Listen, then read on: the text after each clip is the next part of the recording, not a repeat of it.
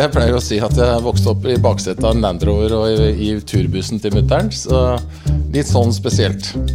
Og, og, sånn har det vært. Jeg har gått tilbake, jobbet, gått på skole, jobbet, gått på skole. Jeg har vært veldig nysgjerrig i alt, egentlig. Jeg gikk ut av den en av disse siste timene og var så gira at, at og satte meg på flyet. Da satt jeg seks timer med PC-en og skrev en ny strategi for Stor-Oslo. Det er noe som er fundamentalt galt med måten Oslo er organisert på, som gjør at ting tar altfor lang tid. Bak fasaden med DJ og Rønne. En podkast fra Estate Media. Ja, Silje, er du klar for en ny utgave av Bak fasaden med DJ og Rønne? Jeg er alltid klar. Eh, det blir spennende å snakke med dagens gjest. Jeg har masse ting jeg lurer på, så det blir bra. Ja, For i dag så har vi med oss Mattis Grimstad, administrerende direktør i Stor-Oslo Eiendom og styreleder i OMA, en organisasjon for eiendomsutviklere i Oslo-regionen. Velkommen til oss. Tusen takk. Veldig hyggelig å være her. Ja. Eh, Mattis, kan du fortelle litt om bakgrunnen din? Altså, Du vokste opp delvis utenfor Oslo, i hvert fall, hvert fall de første åra? Utenfor Norge, mener jeg? eh, ja. Jeg har, jeg har, vokst opp i en familie som har vært mye i utlandet. Eh, så jeg, de første årene så bodde jeg i Afrika, i Tanzania, jeg bodde i Sveits. Eh, vært litt sånn rundt omkring. Jeg hadde en far som var uh, veldig aktiv i norsk bistand. Jobbet uh, i Norad veldig mange år, så jeg har liksom vært på kryss og tvers i, i bistandsprosjekter, spesielt i Afrika. Og så har jeg en mor som er uh, musiker. som det med turnerte rundt i Norge og Skandinavia i en buss med musikere. Så jeg pleier å si at jeg vokste opp i baksetet av en Land Rover og i, i turbussen til mutter'n. Så litt sånn spesielt. Hvordan tror du, Jeg syns det hørtes ut som en veldig spennende bakgrunn. Uh, men hvordan tror du det her har liksom vært med å forme deg til den du er i dag? For det må jo ha gjort uh, Hva skal jeg si? Det må jo ha påvirket deg litt? Ja, det har det definitivt. Uh, kanskje spesielt det med å ha vært såpass mye i utlandet i, og vokst opp med andre kulturer rundt meg og sånn. Så det bygger jo en nysgjerrighet for, for utlandet, for andre måter å gjøre ting på. Eh, så det har ligget hos meg hele tiden. Så det, er en av grunnene til at jeg, jeg, har bare studert utlandet. Fordi jeg har vært nysgjerrig på å komme ut og få liksom et litt sånn annet blikk. Også fra min mor, da, som er kulturarbeider, og har sett uh, hvordan det har vært uh, både liksom gode og dårlige dager.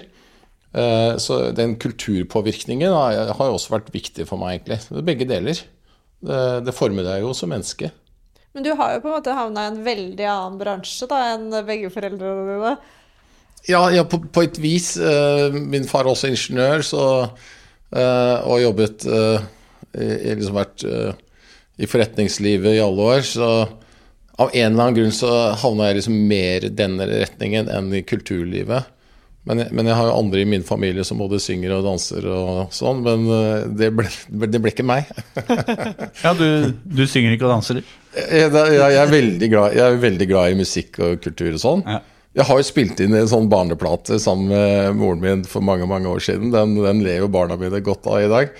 Men uh, i hvert fall innblikk i den verden. Det, det er fantastisk, egentlig. Det, det gir mye. Mm. Men da, er, er, det, sant at du gikk første klasse tre ganger? Ja, det stemmer faktisk. Uh, første gang var i, i, i Tanzania, i Dar es Salaam. Da var jeg fem år gammel. Og Der begynte de i første klasse når de var fem år, fem år. Og så flyttet vi til Sveits, og der begynte de når de var seks. Eh, og Da måtte jeg gå første gang til. Og så kom vi til Norge, og, da, og den gangen så begynte de når de var syv. Og så prøvde de, da, foreldrene mine også å liksom si ja, men jeg kan jo alfabetet og jeg kan regne og sånn, men det var ikke snakk om. Så da blir det tredje gang. Så du var han dødsbart dødsspart i første klasse, da? Nei, eh, jeg vet ikke. Jeg tror jeg jeg husker jo ikke så mye av det. Eh, jeg tror ikke jeg var noe smartere enn alle de andre, men eh, jeg, jeg kunne alfabetet ganske bra, for å si det sånn. Så jeg måtte gjøre det tre ganger, da. Men hvordan endte du opp i eiendom? For ut ifra det du forteller nå, så er jo ikke det gitt at du skulle ende opp der.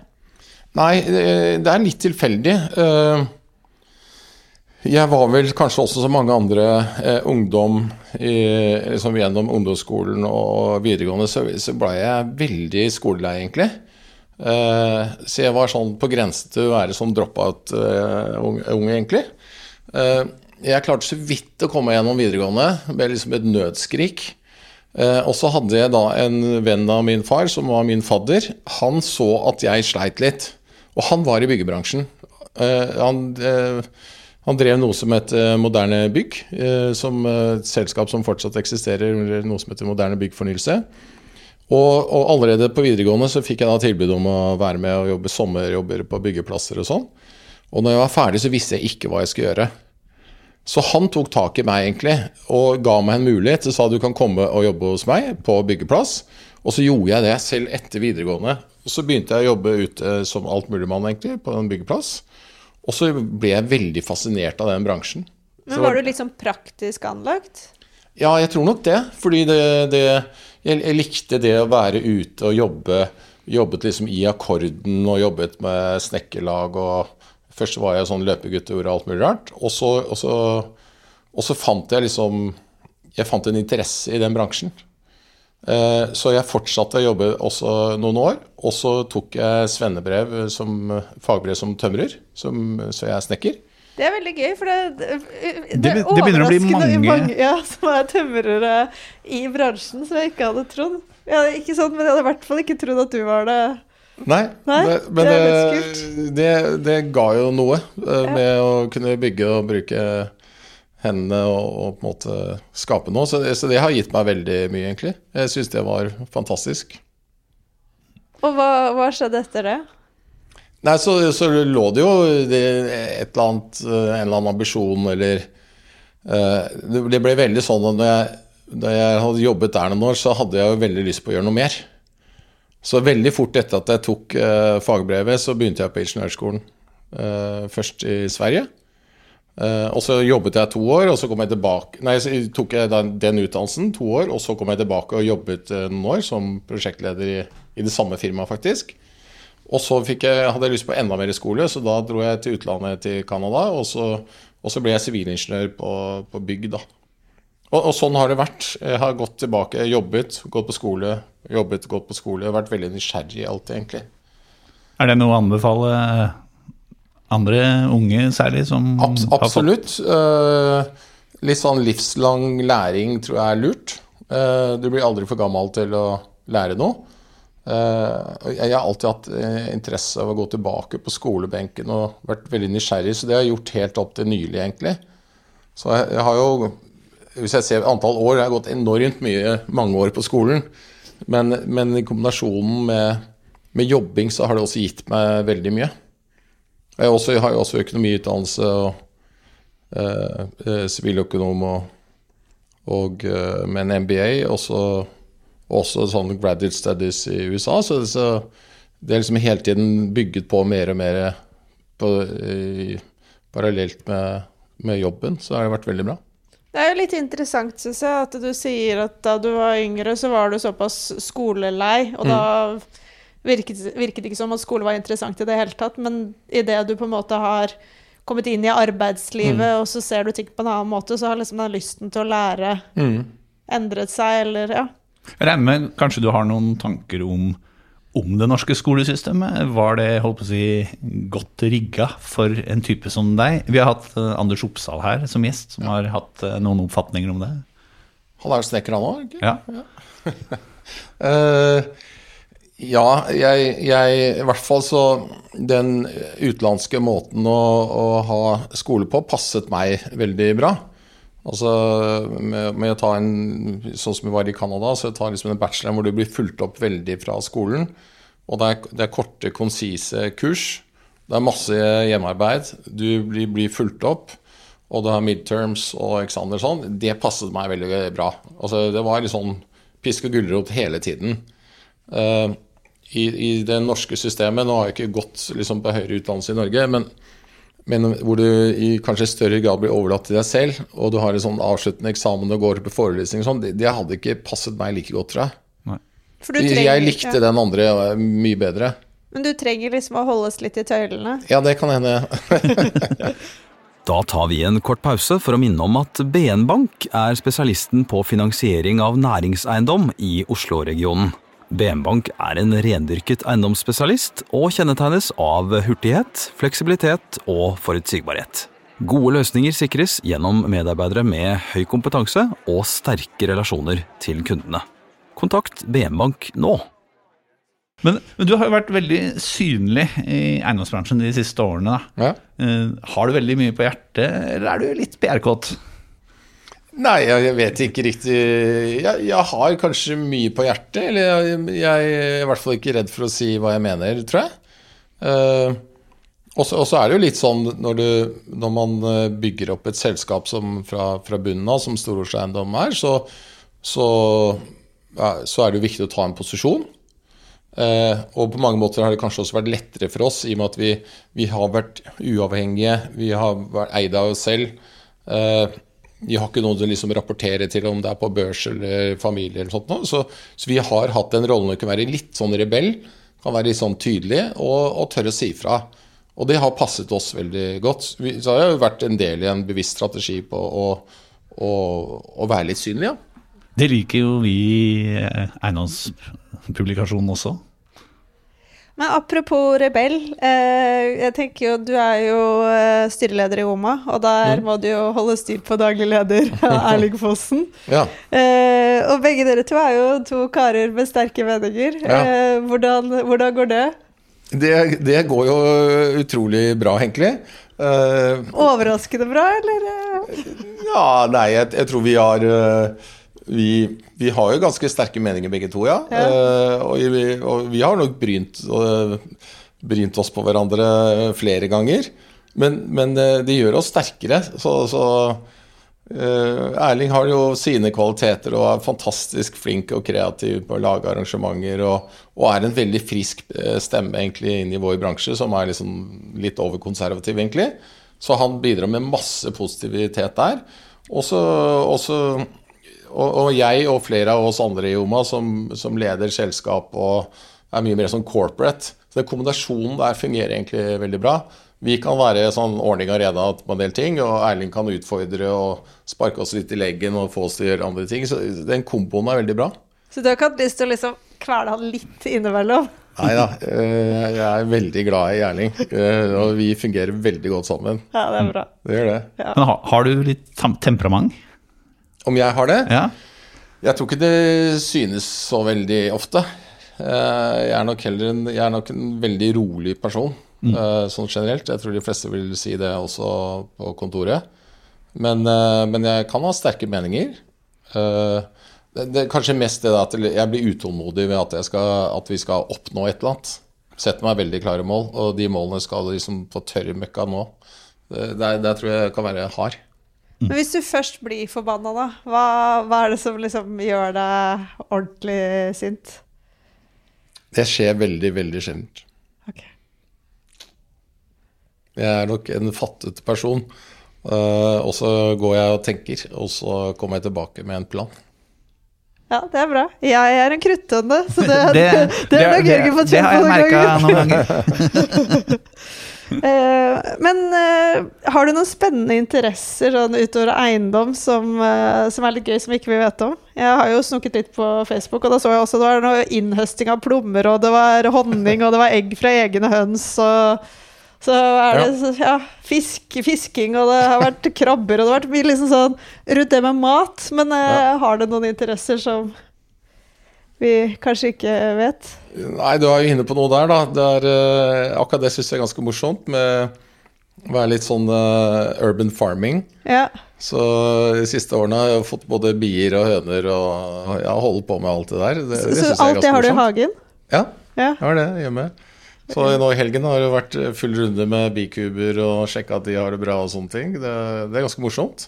Og de klarer seg selv, uh, midt i byen. Ganske kult, egentlig. Ja, for hvor bor du? Jeg, jeg bor på Bygdøy, Ja. så det er jo kort vei til byen. Men eh, pass deg for reven, da. Ja, du, den reven Det er da, masse sånne byrever overalt. Som, Den har vi eh, hatt eh, på besøk eh, mange ganger, faktisk. ja, ja. Men hva gir det deg, det der å liksom gå rundt og hva skal jeg si, plukke plommer og lage syltetøy og liksom sånn Er det en form for terapi, eller? Ja, eller kanskje at eh, jeg er eh, eh, liker å ha mange baller i lufta. Så det, det er eh, Selv om det er mange, mange timer på jobben eh, og lange dager, så gjør vi alltid et eller annet eh, på kvelden, liksom. Eh, og eh, liksom på sommeren, hvis vi er eh, på sørlandskysten eh, eller, eller et eller annet sted, så er det om å være litt sånn selvforsynt. Så prøve, prøve på det. Det er eh, mange timer i båt og fiske og krabber og hva det er for noe. Så det holder på med det hele tiden. Jeg syns det er kjempegøy, og også da ikke minst sammen med alle barna, så det er bra. Du har jo du har ikke bare klatra i eiendomsbransjen og blitt eh, toppsjef der. Eh, Du har vel klatra litt i fjell òg? Er det noen, noen gøyale topper du har vært på? Ja, jeg har, jeg har vært eh, mye på fjelltur rundt omkring. Uh, så- men jeg har også vært morsomt å vært litt sånn, prøvd å nå en del av disse toppene uh, med jevne mellomrom. Det har vært en stund siden sist nå, men eh, ja, vært litt rundt omkring. Asia, Afrika, Sør-Amerika. Litt rundt omkring. Hvilke topper da? Du, du har jo altså I Europa så er det jo alle de, de toppene som er i Alpene og diverse. Og, og, og vært flere somre og klatret rundt i, i Chamonix-området og, og i eh, og sånn. På Matterhorn og Mont Blanc og en hel haug med de andre toppene. Helt fantastiske fjell. eh, lett tilgjengelig.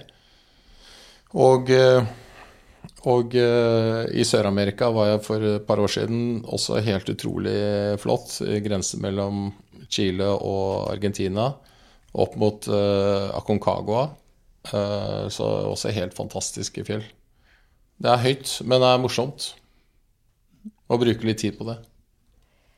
Vi har jo vært litt innom Kall det personlig utvikling. Eh, og du har jo vært opptatt av å hele tiden liksom lære og utvikle deg og den biten der. Eh, hvorfor eh, er det viktig for deg?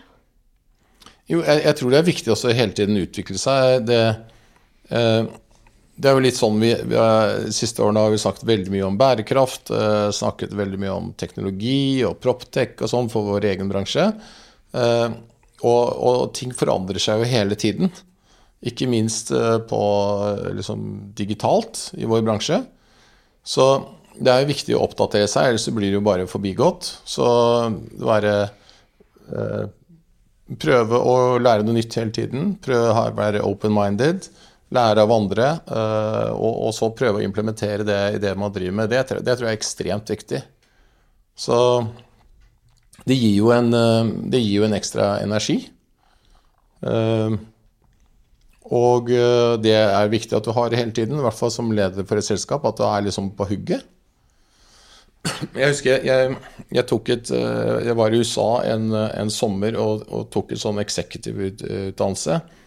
Og der hadde jeg noen helt fantastiske, eh, flinke forelesere. Var det på Harvard da du var der? Det, det var på Harvard. Ja. Det var helt eh, Altså, det var sånn for, for, for meg i topplokket, liksom, det var sånn banebrytende. Det var noe som skjedde der. Eh, fordi det var så Den gjengen som var Det var jo da toppledere fra hele verden. eh, masse flinke folk. Eh, og så var det noen eh, forelesere som liksom klarte å få den gruppen til å jobbe sammen med å, å utveksle erfaringer og sånn. Det var utrolig givende.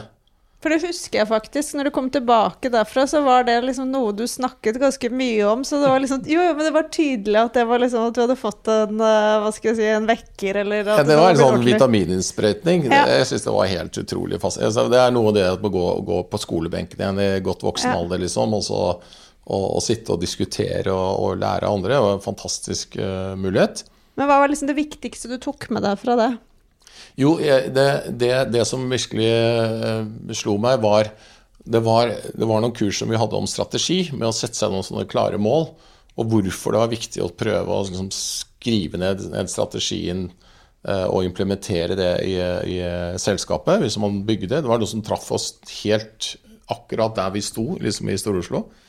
Eh, så jeg husker jeg, jeg gikk ut av den, en av disse siste timene og var så gira at, eh, at eh, og satte meg på flyet. Da satt jeg i seks timer med PC-en og skrev en ny strategi for Stor-Oslo. Ja, da, da var jeg liksom Da var jeg helt der oppe. Hvordan reagerte selskapet da når du kom Jo, de, tilbake? liksom, jeg kom inn som en sånn virvelvind, Ja, og det er flere ja. som snakker om det. At liksom, oi, nå er det et eller annet som skjer her. Men, øh, men, men jeg har blitt øh, veldig godt mottatt. Øh, har jo snakket masse om det. Snakket mye om uh, sette seg klare mål. Hvordan øh, ser konkurrentbildet ut? øh, Hvordan ser markedet ut fremover? Bevisstgjøring. øh, implementering av det. Og, det å ha noen sånne ledestjerner å se etter, da. Så det føler jeg har blitt godt mottatt. Men er det sånn her du gjør for å holde deg sharp? Ja, absolutt. Brekkhus advokatfirma rådgir norske og internasjonale kunder innen en rekke sektorer.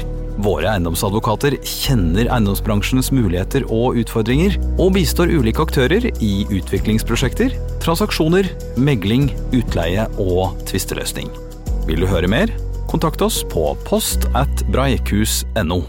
Men hva er det du liker best ved å jobbe i eiendom? Uh, ja, det, vi er jo heldige som kan jobbe i eiendom. Da. Vi kan liksom kanskje begynne med det. Det at vi er en bransje som har gått veldig veldig godt de siste 20 årene. Det har liksom bare gått én vei. Eh, det ser fortsatt veldig lyst ut, egentlig, fremover. Eh, det skal fortsatt bygges veldig mye. Skal, ting skal endres på, gjøres mer bærekraftig osv. Det er liksom mange oppgaver fremover. Så det, er en veldig sikker og solid bransje å være i. Og så er det en bransje man også kan endre veldig, og som må endres. Så eh, masse spennende oppgaver. Hvis vi skal gå litt tilbake til eh, det med familien eh, Det virker jo som liksom, familien og barna er veldig viktig for deg. Eh, hva er du mest opptatt av å lære dem? Eh, jeg har vel vært en forkjemper på at de bl.a. skal få med seg erfaring fra utlandet. Ja, Eh, så For alle studerer vel i utlandet, gjør det ikke det? Eller flere, i hvert fall? Eller? ja, flere studerer og har studert eh, ute, eh, og er liksom eh, på vei. Men, men det er jo litt det samme den bakgrunnen som jeg hadde, at, jeg, at vi bodde i utlandet og, og, og fikk, en, liksom fikk impulser fra andre kulturer. Sånn Når vi sitter i, i Norge på vår lille topp her oppe, så er det lett å glemme at, at det fins mye der ute. Man sitter jo i veldig sånn eh, trygt norsk sosialdemokrati hvor vi har enormt eh, ekstremt god råd. Eh, og alt er egentlig sol og, og, og gode tider, liksom. Det er veldig sunt å komme ut og se at ting ikke er like rosenrødt andre steder. Og man setter jo da også enda mer pris på det vi har her. Så det, så det er en, en, en god referanse, da. Så det eh, sier jeg jo til de at det må de få med seg. Eh, reis ut hvis du kan. Eh, vi har også gode støtteordninger for det i Norge med Lånekassen og sånne ting, så det funker jo egentlig ganske bra. Utrolig bra. Alle burde gjøre det. Så, så det får de med seg. Og så er det hyggelig at flere av de går inn og jobber litt i, i samme bransje som meg.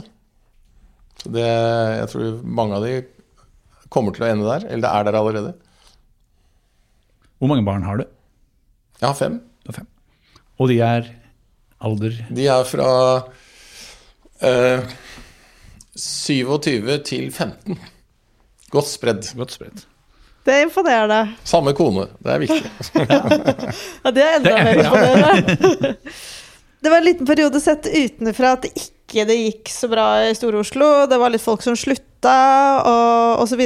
Hvordan klarte du å snu den trenden? For nå virker det som det går mye bedre enn noen gang.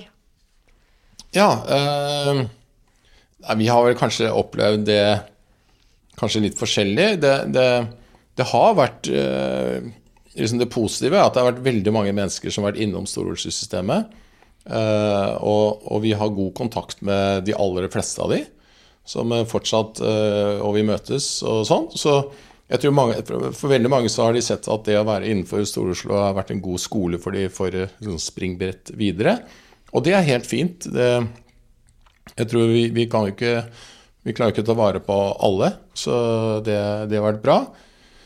I den grad det har vært noe turbulens, det vet jeg ikke riktig om stem, stemmer helt. Men, men vi, vi har jo også endret vår forretningsstrategi og vår måte å jobbe på underveis. Så vi har hele tiden endret oss og spisset oss. Og da er det også kanskje ikke alle de arbeidsoppgavene som vi hadde før som vi trenger i samme grad eh, nå. Men, men det er jo sånn det, det går seg til. Og så tror jeg det siste også er at jeg tror veldig mange som har vært hos oss, er også veldig attraktive der ute. Det vet vi jo. Så det er veldig mange som, Vi vet jo at det er mange som ringer til Stor-Oslo for å få tak i folk, særlig når de andre skal vokse. Så det, vi, det er måte, det tåler vi. Uh, Så det har liksom aldri vært noen vanskeligheter? Jo, det er liksom, det blir jo feil å si. Ja. Det? Man har jo man har noen utfordringer og, og sånn internt. Sånn er det vel med de aller fleste.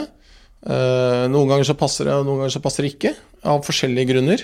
Eh, i, i, hvis det er liksom én grunn hos oss, så er det vel det at uh, For det første, vi startet med å være et uh, rendyrket sånn rådgiverselskap hvor vi var en, en sterk gruppe ingeniører som var rådgiver for store eiendomsselskap. Da jobbet vi for Entra, Norwegian Property, Hav Eiendom, IT Fornebu og sånn.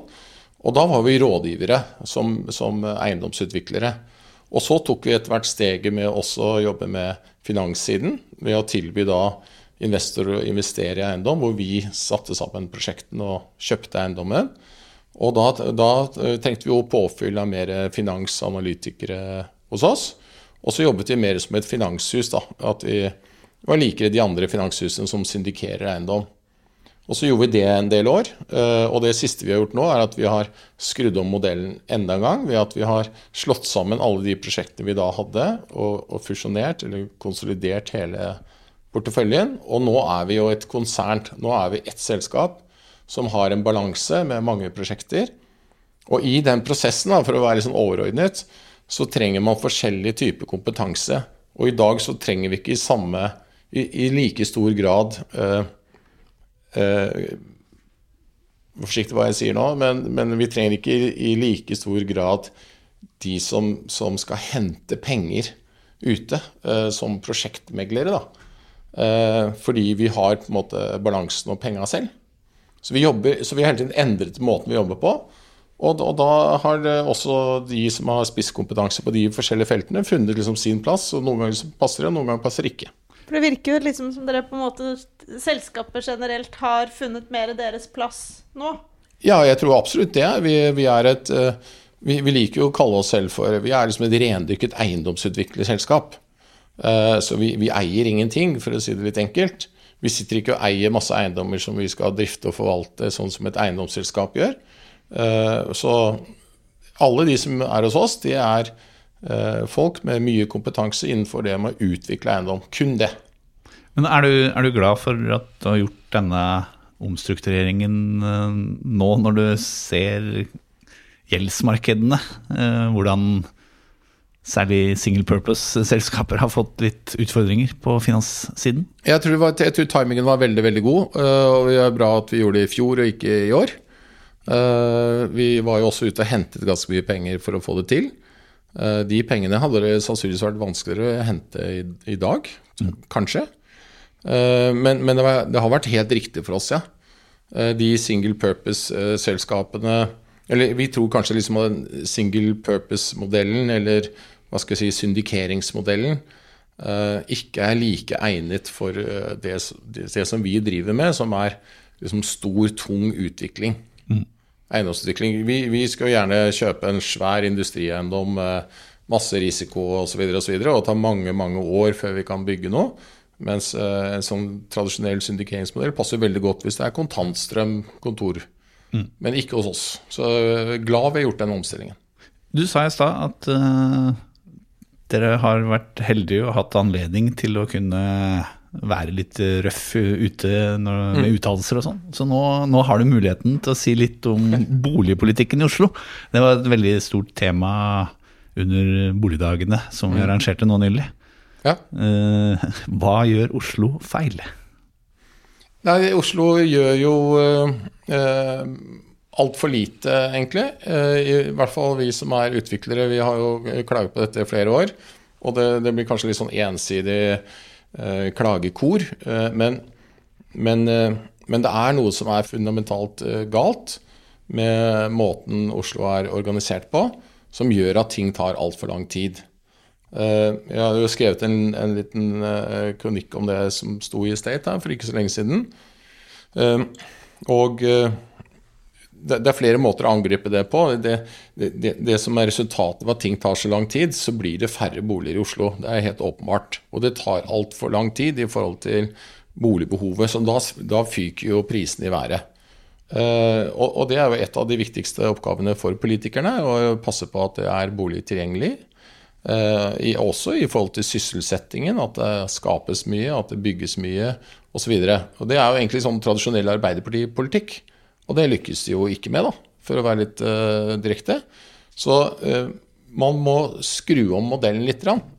og vi må jobbe mye tettere sammen, det offentlige og det private for å løse de samfunnsutfordringene som er i byen. Og, og da handler det igjen litt om bærekraft og nå bærekraftsmålene. For vi, vi, når ikke de målene som Oslo kommune har satt seg hvis vi ikke jobber fortere. Det, det må de også erkjenne snart. Bak fasaden med DJ og Rønne.